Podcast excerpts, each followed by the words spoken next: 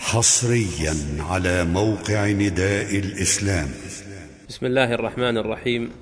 الحمد لله نحمده ونستعينه ونستغفره ونعوذ بالله من شرور أنفسنا ومن سيئات أعمالنا.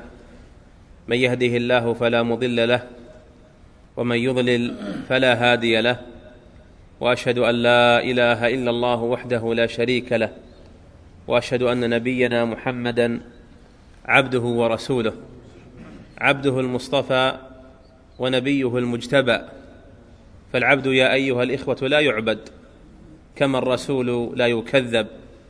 فصلوات الله وسلامه عليه وعلى آله وأصحابه ومن سار على نهجهم واقتفى أثرهم وسلم تسليما كثيرا. أما بعد أيها الجمع الكريم أيها الإخوة الأفاضل السلام عليكم جميعا ورحمة الله وبركاته. هذه يا أيها الموفقون نسائم رمضان وعبيره قد هبت علينا. وأكثر الناس ربما لم يجد هذا العبير في صدره ولم يستنشقه في أنفه لأنه في غفلة. وأما المؤمنون المتشوفون إلى مواسم الخيرات فإنهم يعدون الأيام والليالي عدا متى يدركهم رمضان. وليس هذا بغريب ولا غروى فإن الصحابة رضي الله عنهم ومن ورائهم التابعون والسلف الصالح كان لهم في رمضان شأن عجيب فالسنة كلها ما بين أمل وما بين دعاء. فيدعون الله عز وجل خمسة أشهر أن يتقبل منهم رمضان. ويسألون الله عز وجل ويؤمنون به ستة أشهر أخرى أن يدركوا رمضان. لماذا؟ لأنه موسم عظيم. تقال فيه العثرات وتسكب فيه العبرات. ولله في كل ليلة من لياليه عتقاء من النار. موسم العمل والمرابحة والاستثمار والاستكثار من الحسنات. الناس إذا دعوا إلى الدنيا بيعا وشراء ومساهمة ومضاربة رأيتهم زرافات وجماعات يذهبون إلى مراتع الدنيا وقد يخسر. أما رمضان فالمؤمنون كلهم رابحون فيه ولن تجد خاسرا إلا الذي حرم نفسه العمل الصالح. جاء جبريل إلى النبي صلى الله عليه وسلم وهو على المنبر فقال يا محمد قل آمين فقال آمين قال قل آمين فقال آمين قال رغم أنف امرئ ثم رغم أنفه من أدركه رمضان ثم خرج منه فلم يغفر له. لماذا؟ لأنه محروم حرم نفسه أسباب المغفرة بأن جعل رمضان كغيره من الشهور ولم يؤد لله فيه حقه. وأنت يا أيها المسلم على أمل كبير وعلى خطر يسير. فالأمل معقود بك أنك تسعى إلى نجاتك وإلى رفعة منازلك يوم أن تموت فتغادر الدنيا بما تزرعه فيها. وعلى خطر إذا أتبعت نفسك الاماني لما ذكر النبي عليه الصلاة والسلام رمضان قال للناس في الحديث الذي يروى من غير وجه لقد أظلكم شهر كريم أظلكم أقبل عليكم. تفتح فيه أبواب الجنان وتوصد فيه أبواب النيران وتصفد فيه المردة من الشياطين. والمرده هم الجن. الشياطين من الجن. مصفدون مسلسلون. ولكنه في رمضان وقبل رمضان ينطلق إخوانهم من شياطين من؟ الإنس. كما قال جل وعلا شياطين الإنس والجن. يوحي بعضهم إلى بعض. زخرف القول غرورا. ولو شاء ربك ما فعلوه فذرهم وما يفترون. من أشهر وهم يهيئون تهيئاتهم ويعدون عددهم وبرامجهم ومسلسلاتهم ومسابقاتهم لإغواء وإلهاء الصائمين عن رمضان. ولهذا ليلهم ونهارهم واحد في أنواع من المسلسلات لأنه موسم لهم. وما هذه القنوات والمواقع والإذاعات وإعدادها العدة في رمضان إلا ما تلحظون آثاره في دعاياتهم وهذا من أعظم أسباب الإلهاء. وهي ما بين لهو ولعب وسخريات وقلة عقل ونقص في المروءة. وما بين إفساد للأخلاق في تبرج وسفور وقلة أدب وحياء. وما بين استهزاء إما بكبار السن من آبائنا وأسلافنا أو استهزاء بأهل الخير والصلاح منا. وإما والعياذ بالله استهتار بأحكام ديننا. وأعظم من ذلك وأقبحه وأشنعه ما كان مسلطا إلى تغيير المفاهيم والعقائد. وتغيير الإيمان. ومن ذلك أيضا برامج الفوازير.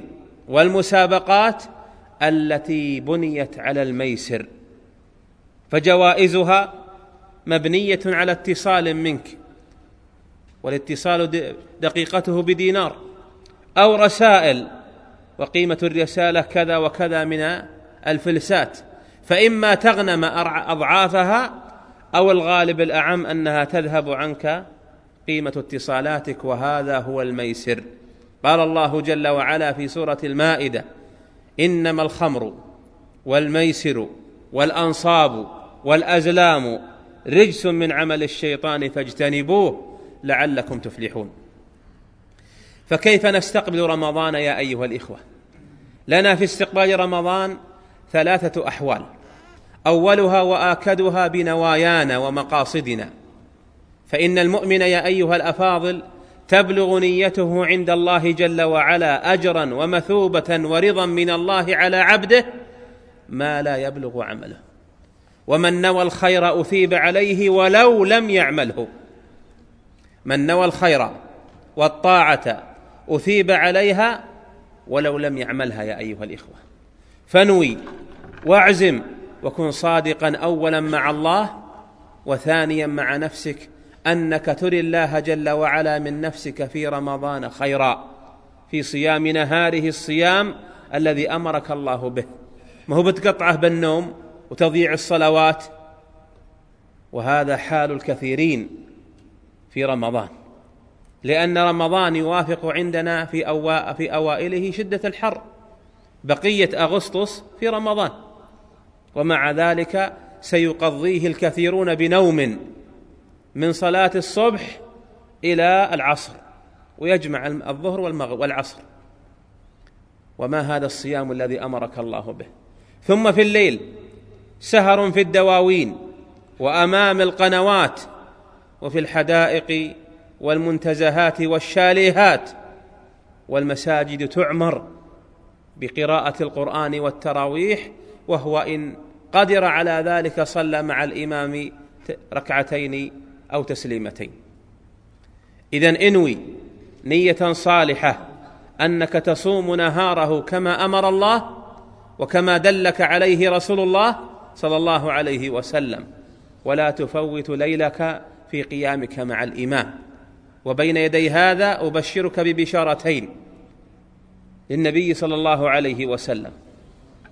ففي الصحيحين من حديث أبي هريرة رضي الله عنه قال قال النبي صلى الله عليه وسلم من صام رمضان إيمانا واحتسابا غفر له ما تقدم من ذنبه. ومن قام رمضان إيمانا واحتسابا غفر له ما تقدم من ذنبه. فكيف يكون صيامك وقيامك إيمانا واحتسابا؟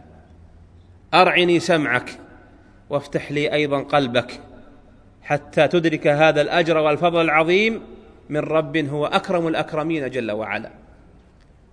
صام ايمانا أي توحيدا وعبودية لله الذي افترض عليه الصيام. ما تصوم عادة؟ صام جماعتك وأهلك وجيرانك ودربيت رأسك معهم وصمت. ما صمت حمية وإنما عبودية وإيمان وتوحيد. لأن الله قال لك يا أيها الذين آمنوا وهذا خطاب لنا جميعا كتب عليكم الصيام كما كتب على الذين من قبلكم لعلكم تتقون. تقول سمعا وطاعه يا ربي أنا صائمه. لك وحدك طاعه وتوحيدا. وهو القائل جل وعلا فمن شهد منكم الشهر فليصمه. تقول سمعا وطاعة. وهذا معنى ايمانا. واحتسابا تحتسب أجر وثواب صيامك وقيامك على الله عز وجل. لا تبتغي مدحة من الناس ولا ثناء ولا مالا ولا جاها وإنما تحتسب صيامك على الله عز وجل.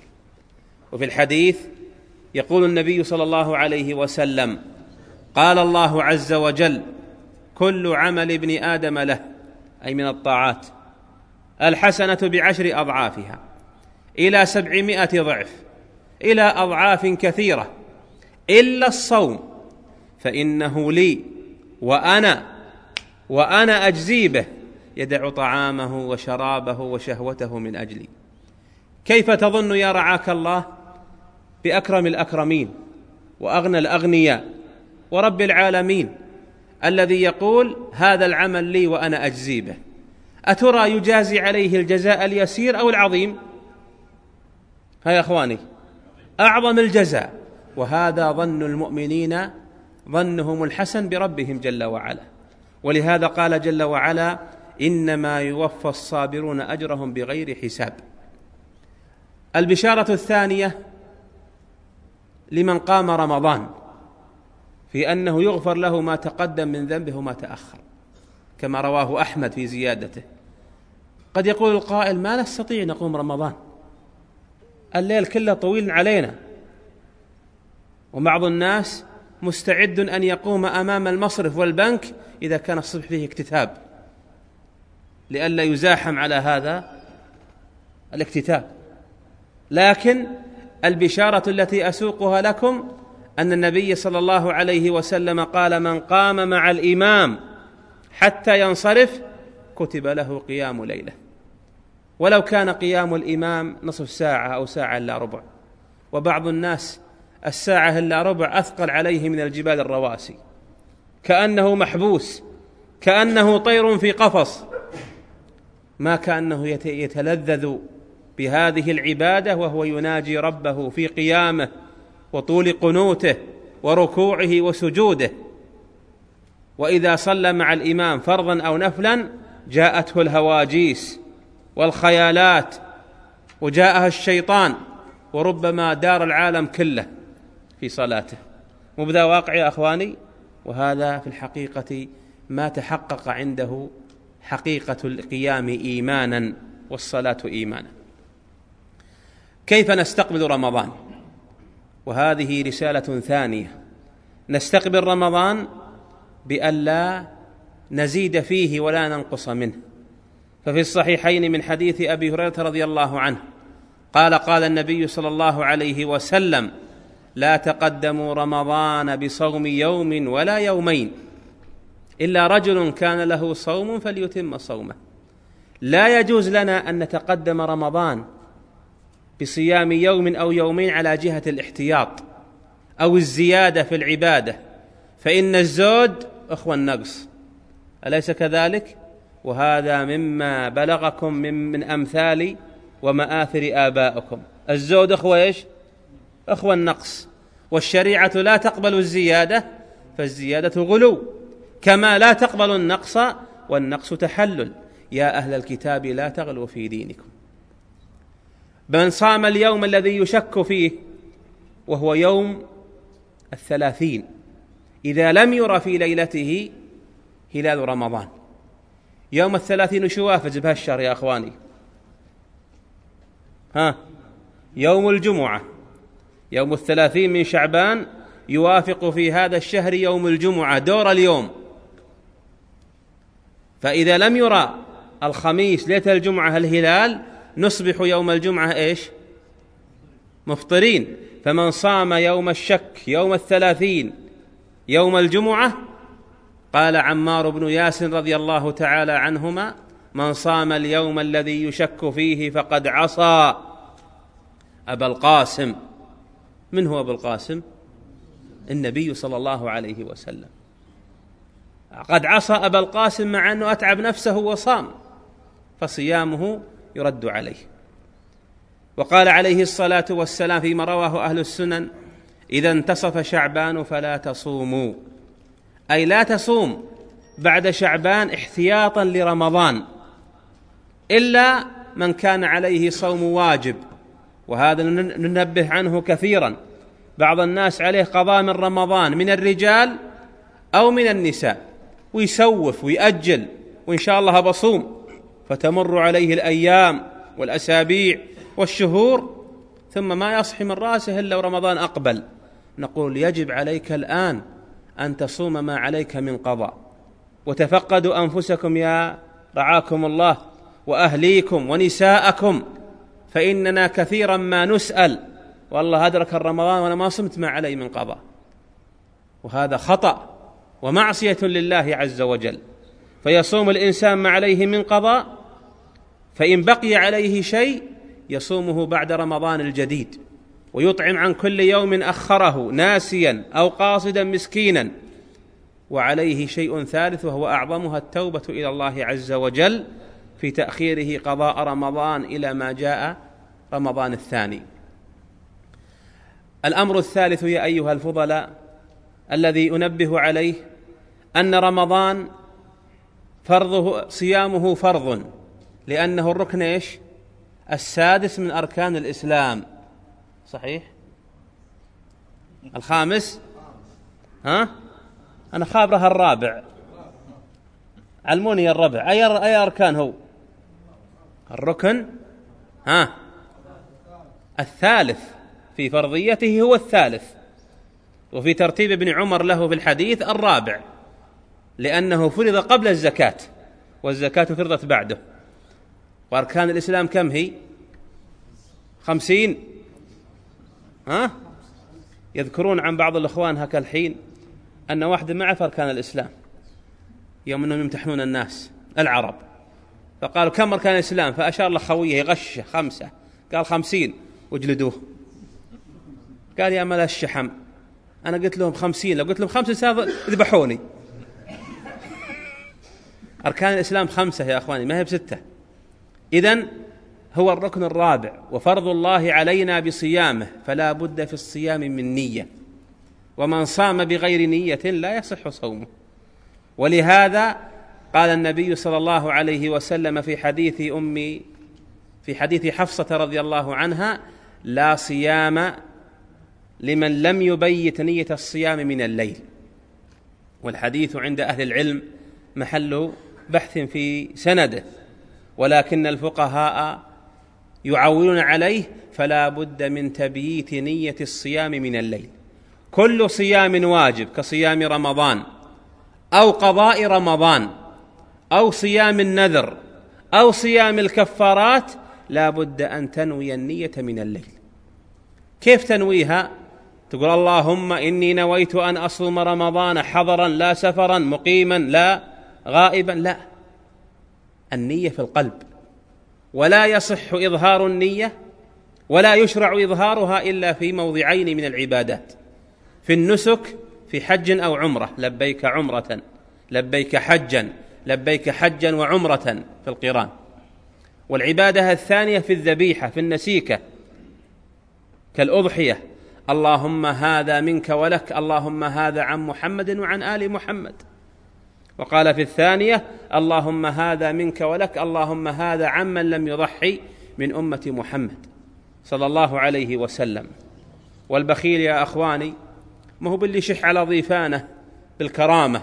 البخيل من يذكر عنده رسول الله فلا يصلي ولا يسلم عليه لأنه بخل على نفسه بالأجر والحسنات والمثوبة وحقه علينا أعظم من ذلك صلى الله عليه وسلم.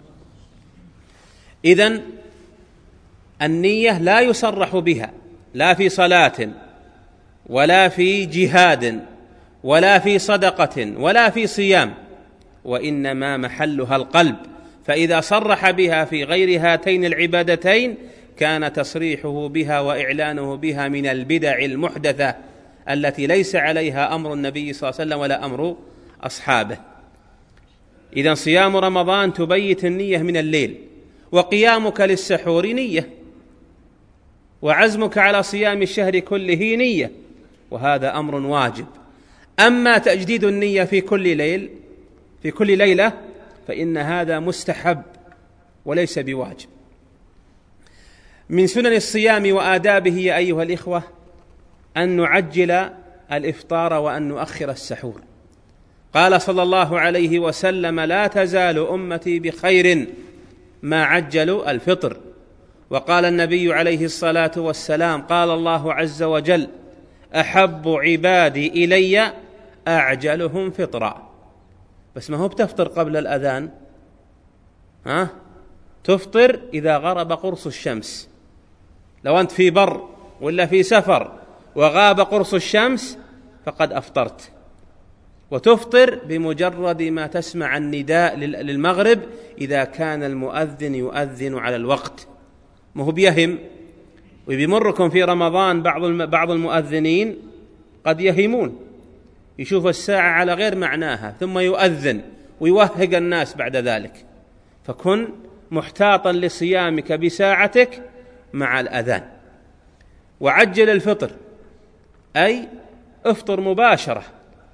وتعجيل الفطر علامة خيرية هذه الأمة وعلامة محبة الله لعبده وهو هدي نبيكم صلى الله عليه وسلم. أما تأخير الفطر حتى تظهر النجمة أو تتعاقد النجوم فهذا شرع من غضب الله عليهم من اليهود. فلا يفطرون حتى تتعاقد النجوم كما شابههم بذلك أهل البدع والضلال. ومن سنن الصيام تأخير ماذا؟ السحور. قال صلى الله عليه وسلم والحديث في الصحيحين تسحروا فإن في السحور بركة. حديث أنس رضي الله عنه. وسأل أنس زيد بن ثابت رضي الله عنه قال تسحرنا مع النبي صلى الله عليه وسلم ثم قمنا إلى الصلاة. فقال له أنس كم كان بين سحوركم وقيامكم؟ قال قدر قراءة خمسين آية. لو قدرناها في أطول ما في القرآن من الآيات في آيات البقرة أو الأعراف أو آل عمران أو الأنعام أو المائدة أو النساء وهن السبع الطوال ما جاوزت عشر دقائق. والعرب الآن والناس يقدمون السحور لنصف الليل. إذا عزم الرجال ضيفانه قال الله يحييكم على السعور متى يحطه؟ 12 بالليل. صح ولا لا؟ أو واحدة بالليل أو 11 ونص. وهذا خلاف هدي النبي عليه الصلاة والسلام. ومن البركة في السحور خمسة أشياء عدوها معي لأني بسألكم عنها الأخوان حاطين جوائز. واللي يبي الجائزة يحط قلبه لل... للكلمة لأني سأرتب عليها أسئلة. قال تسحروا فإن في السحور بركة. أول البركات في السحور والشيء موافقة هدي النبي عليه الصلاة والسلام الذي أمرنا أمر إرشاد واستحباب بالسحور. ثانيا أنك تقوم في هذا الوقت في السحر والناس غافلون إلا المؤمنون الصائمون يقومون يتسحرون فيذكرون الله عز وجل. وهذا الوقت يناسب وقت النزول الإلهي. قال النبي صلى الله عليه وسلم ينزل ربنا تبارك وتعالى إلى سماء الدنيا في الثلث الأخير من الليل فيقول هل من داع؟ فأستجيب له. هل من سائل؟ فأعطيه. هل من مستغفر؟ فأغفر له حتى يطلع الفجر. ربك جل وعلا رب العالمين أجود الأجودين يتحنن إلى عباده في هذا الوقت لعلهم أن يقوموا فيسألوه. فأنت يا أيها المهموم وأنت يا أيها المغموم ويا أيها المكروب. هذا وقت نزول إلهك يتعرض إليك سبحانه فاعرض عليه حاجتك ولا تعرضها بالبشر الذين ليس بيدهم لا حل ولا ربط. الرب يغضب إن تركت سؤاله وبني آدم حين يسأل يغضب. لكن ربك يفرح إذا سألته. البركة الثالثة أنه في وقت الأسحار يستحب فيه ماذا؟ الاستغفار. وبالأسحار هم يستغفرون والمستغفرين بالأسحار. البركة الرابعة أنك تتسحر فتطعم وتشرب مما يعينك في صيامك سيما في هذه الأوقات أوقات شدة الحر وطول النهار. والسحور طعاما وشرابا فيه عون لك على صيامك لا سيما إن كنت من أرباب الأعمال والوظائف. أما إذا كنت عريض الوساده فربما لا تستشعر هذا الأمر مبلغه. البركة الخامسة أنك تصلي صلاة الفجر وأنت إيش؟ نشيط. وهذه من أعظم البركات في هذا السحور وفي وقته. أختم يا أيها الإخوة وأظني طولت عليكم. والعذر من الله ثم منكم أختم يا أيها الإخوة بمسائل معاصرة تتعلق بالمفطرات. يسأل كثير من الناس عن البخاخ الربو الفنتالين أو البخاخات المشتملة على الكورتوزون. هل هي تفطر الصائم ولا ما تفطره؟ وأجواؤنا وأجواءكم وبلادنا وبلادكم فيها الغبار. وهالسنة ما رأينا مثل هذا الغبار. وهذا من ذنوبنا ترى. من ذنوبنا وتقصيرنا في حق ربنا. القائل ظهر الفساد في البر والبحر بما كسبت أيدي الناس ليذيقهم بعض الذي عملوا. لعلهم يرجعون. البخاخ بخاخات الربو سواء المحمولة باليد أو في المستشفيات لا تؤثر في الصيام والحمد لله. لأن البخاخ ليس طعاما ولا شرابا ولا في حكمهما. المسألة الثانية وقد سئلنا عنها ونسأل عنها كثيرا قطرة العين أو قطرة الأنف. قد يكون للانسان احتقان في أنفه فيحتاج إلى قطرة تسيل الأنف ليتنفس أو قطرة العين. وقد يجد طعمها في حلقه. هل تؤثر في صيامه؟ الصحيح أنها لا تؤثر في الصيام. لأن الأنف والعين ليس من مداخل الطعام ولأن القطرة ليست طعاما. المسألة الثالثة فيما يتعلق بإبر السكري. اللي فيها السكري أعاذنا الله وأجارنا والله وإياكم منه. كيف يصوم؟ إبر السكري يا أخواني إذا أخذها الإنسان قبل فطره بعشر دقائق ضرب إبرة في العضل. ولم يطعم حتى أذن فصيامه صحيح. لأن ذات الإبرة ذات الأنسولين لا يعد طعاما بحد ذاته. لكن إنسان انخفض عنده السكر فأخذ إبرة ولا بد أن يتبعها بماذا؟ بأكل. فهذا أفطر لعذر وهو المرض وعليه القضاء فإن كان السكر عنده دائم ويحتاج للإبر باستمرار فهذا في حكم المرض الذي لا يرجى برؤه وعندئذ ينتقل إلى كفارته بماذا؟ بالإطعام. والحمد لله. أما ما يأخذه عامة مرضى السكر قبل الفطار بعشر دقائق بسبع دقائق بربع ساعة يضرب الإبرة في العضل ثم ينتظر الأذان فيفطر فإن هذه الإبرة والحمد لله لا تؤثر في صيامه. المسألة الأخيرة ما يأخذه بعض المرضى في المستشفيات من الجلوكوز اللي يسمونها المغذي الإبرة المغذية. هذه في حكم الطعام والشراب وهي مفطرة لصاحبها وبالتالي إذا أخذها في نهار رمضان فإنه قد قضى فإن عليه القضاء. والمرأة إذا طهرت من عذرها في نهار رمضان لا يلزمها على الصحيح أن تمسك بقية اليوم. لأن اليوم قد فسد. بماذا؟ بعذرها الذي كان فيه فلم تغسل منه إلا آه الظهر أو العصر وقد مضى عليها أول النهار وهي في عذرها. أسأل الله جل وعلا بأسمائه الحسنى وصفاته العلى أن يبلغنا وإياكم رمضان وأن يعيننا فيه على الصيام والبر والقيام وأن يجعلنا فيه من عباده المعتقين من النار أجمعين. ومن المرحومين والمغفر لهم أجمعين لنا ولكم ولوالدينا ووالديكم ومشايخنا والمسلمين.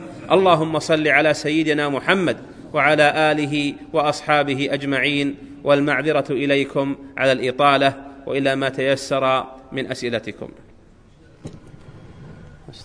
أحسن الله إلى الشيخ الدكتور وجزاه الله خيرا وجعل ذلك في ميزان حسناته يوم القيامة.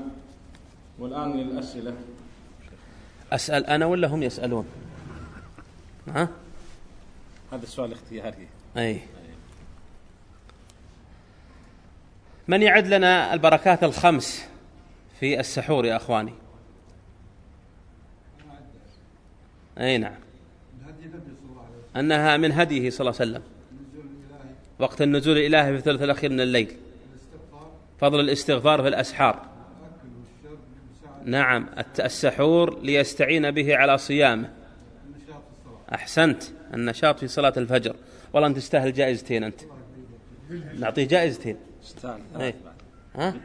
لا ثلاثة أخ- أخاف أنك متواطئ أنت وياه. تفضل سلمك الله.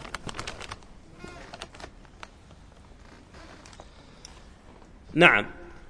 آه سؤال آخر يا أخواني في حكم استعمال إبر السكري في صيام رمضان. وش حكمها؟ ها. مطلقا حتى لو أخذها الظهر لا تغششه لا تعلمه. ها وقف وقف واقف. إبر السكري هذه. ما تفطر مطلقا ولا ولا تفطر أحيانا؟ ها؟ وإذا أخذها الظهر؟ ها؟ إذا أخذها الظهر وأكل بعدها يفطر. وإذا أخذها قبل المغرب ولم يفطر إلا مع الأذان فيه ما تفطر. تستاهل. تعال.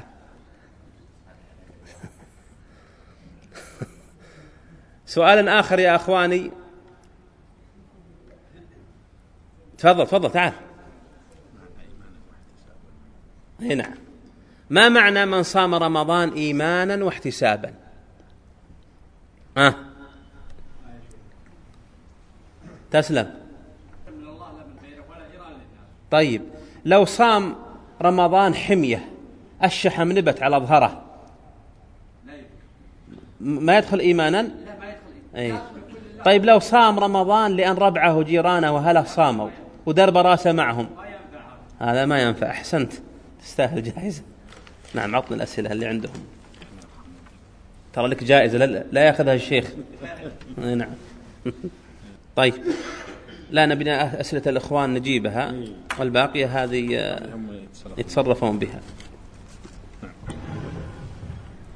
آه، بسم الله الرحمن الرحيم. هذه أخت تسأل تقول أنا طالبة أدرس في في الجامعة وأقوم اصبر اصبر اصبر. إحنا معنا نساء حضرات. إذا نست- يستحقنا الجوائز مثلكم. فالجوائز الباقية تعمل لهم مسابقة ويأخذنهن. ها؟ أي نعم. إحنا في مساواة بين الرجال والرجال. اي نعم.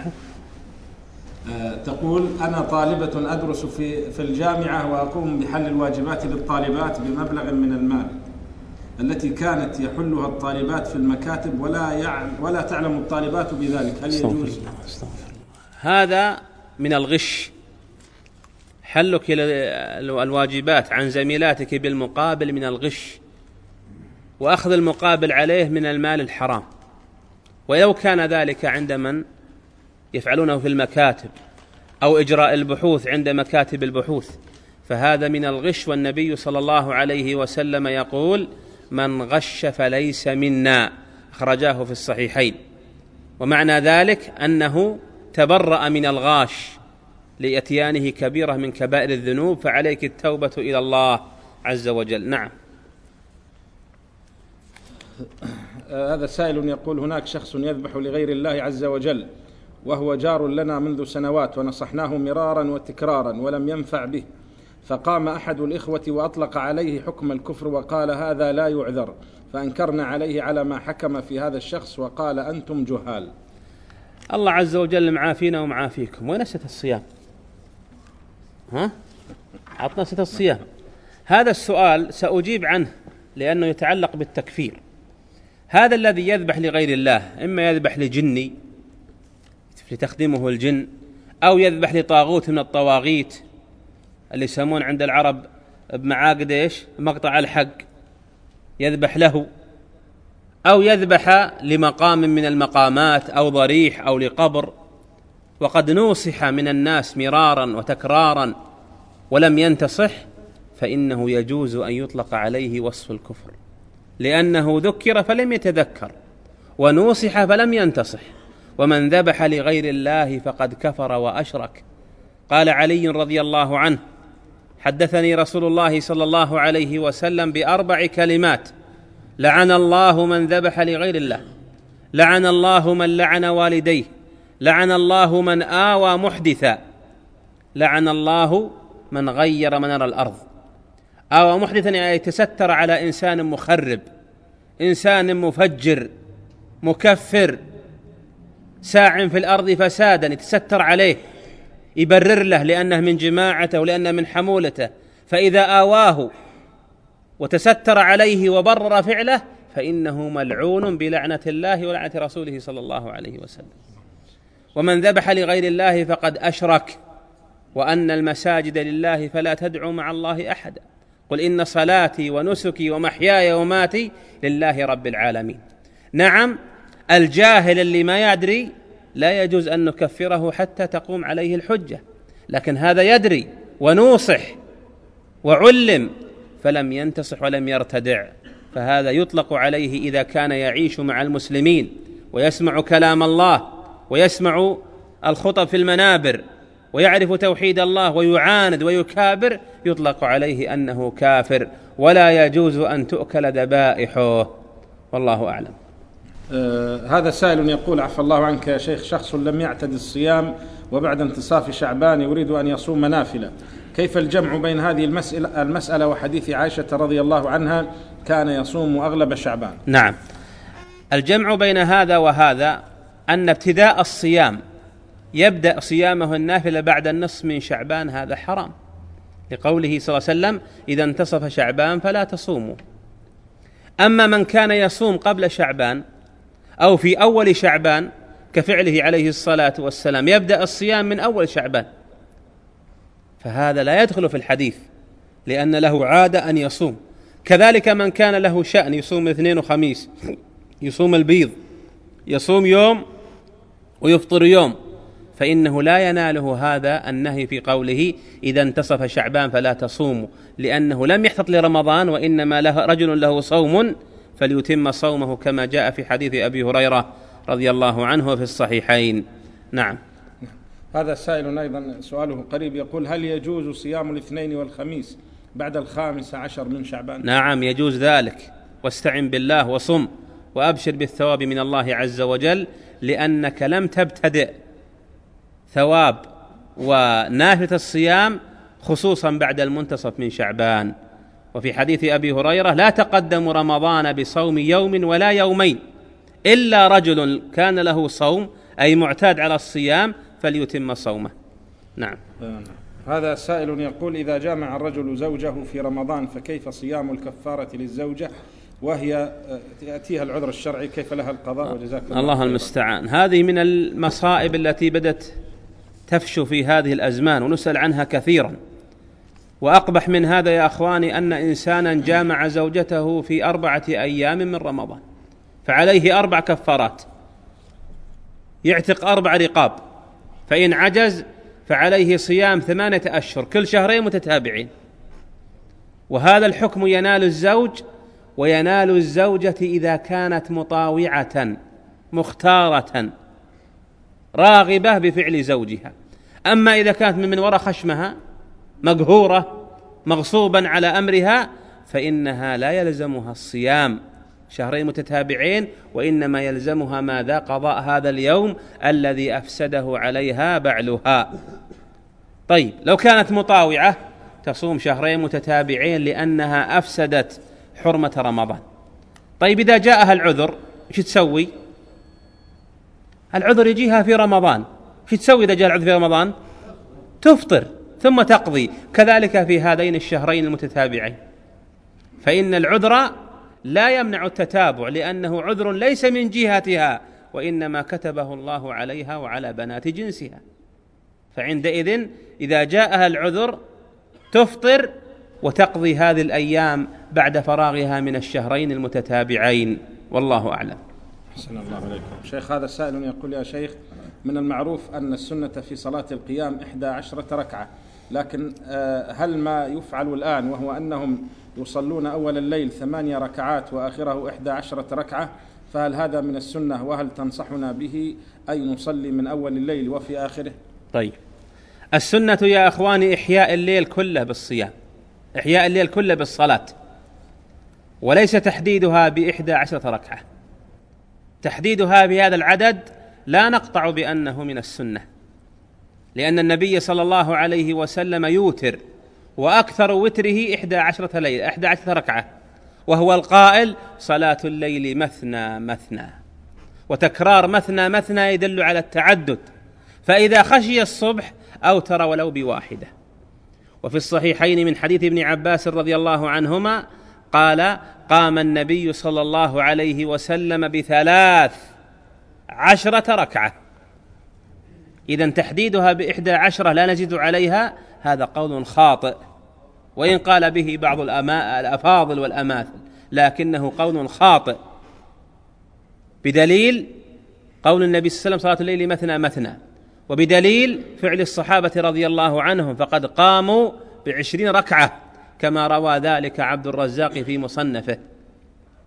إذا صل من الليل ما شئت ولكن لا تشق على الناس وعلى نفسك. نحثك يا نحث أئمة المساجد أن يصلوا ثلاث عشرة ركعة. خمس تسليمات يطمئنون في القراءة وفي القيام وفي الركوع والسجود ويوترون بثلاث. ثنتين شفع وحده وتر. ويستعينون بالله على ذلك ولا يعجز الناس. وكون الصلاة في آخر الليل أفضل فإن الصحابة رضي الله عنهم قاموا أكثر الليل حتى كانوا يتكئون على العصي من طول قيامهم. أما قيامنا الله يرحم حاله. ساعة إلا ربع إن غلبت الروم ساعة إلا عشر وأصبح حديث أهل الجهرة كلهم ويمتد أيضا إلى أهل الكويت. والله فلان طول ساعة إلا عشر قيامة. وفلان ما شاء الله سريع نصف ساعة ولو خالص. مو حديث الناس في رمضان؟ وهذا شأن الكسالى العاجزين. أما دوران في الأسواق وعلى الشواطئ وفي المراكز والسناتر الساعات الطوال ما يتعبون ولا يملون ولا يكلون. لماذا؟ لأن الهوى غلاب والنفوس ضعيفة في قبول الحق والاستمرار عليه. اذا لا عدد في إحدى عشرة ركعة. الأفضل إحدى عشر أو ثلاثة عشر. مع طول الركوع والسجود والقيام والقنوت. ولكن إن زاد لا تثريب. وإن نقص فإننا نعيبه على النقص لأنه حرم نفسه وحرم من وراءه من المصلين أجر قيام الليل وتعداد الركعات فيه. والله أعلم. الله آه هذا سائل يسأل عن حكم آه الإمساك آه في قبل الفجر بعشر دقائق. أنتم ريض على الإخوان؟ الناس ملوا. ها؟ ما مليتوا؟ أجل وش رأيكم نحددها على الشيخ ثلاثة أسئلة ما يزيد علينا؟ لا يجوع الذيب لا تفنى الغنم. إيش رأيكم؟ ها؟ إيه نبي نجاوب هالأسئلة الثلاثة. نبي نجيب ثلاثة أسئلة. هذا واحد منها. وش يقول السؤال؟ السؤال بارك الله فيكم. آه، يسأل عن الإمساك قبل نعم.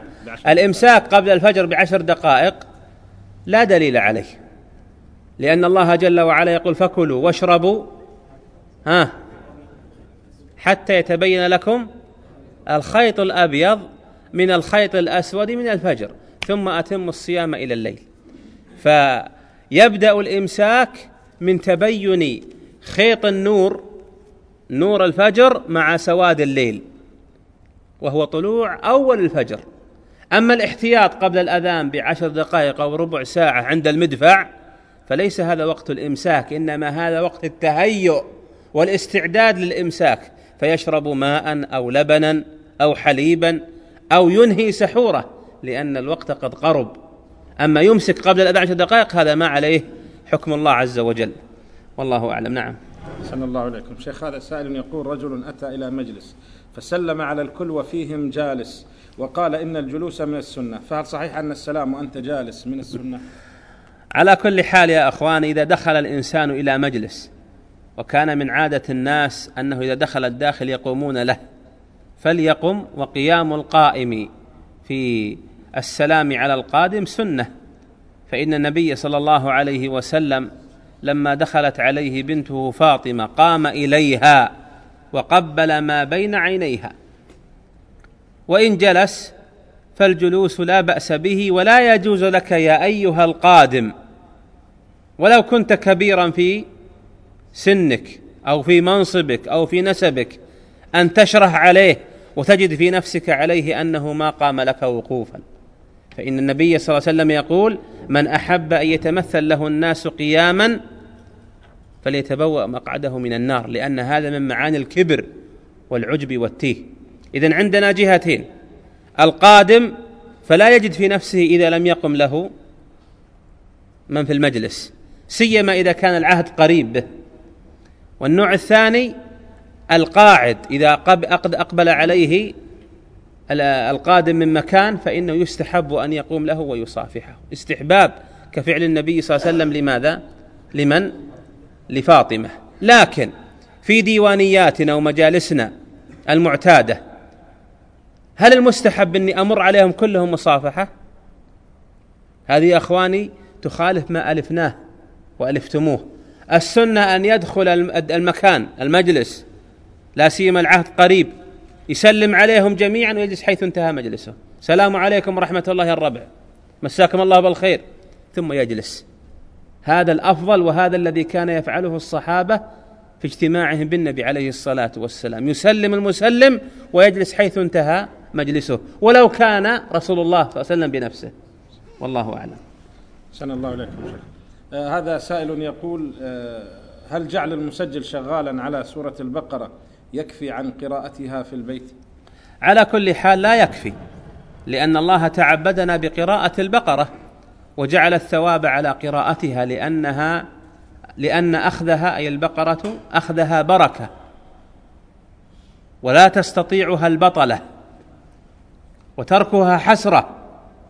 لكن لو استعان بالمسجل حتى تذكره ويقرأ معه فهذا حسن. أما يستقل بالمسجل فلا. لأن المشروع لنا أن نقرأها لنحرز بها أنفسنا وأهلينا وبيوتنا عن الشياطين.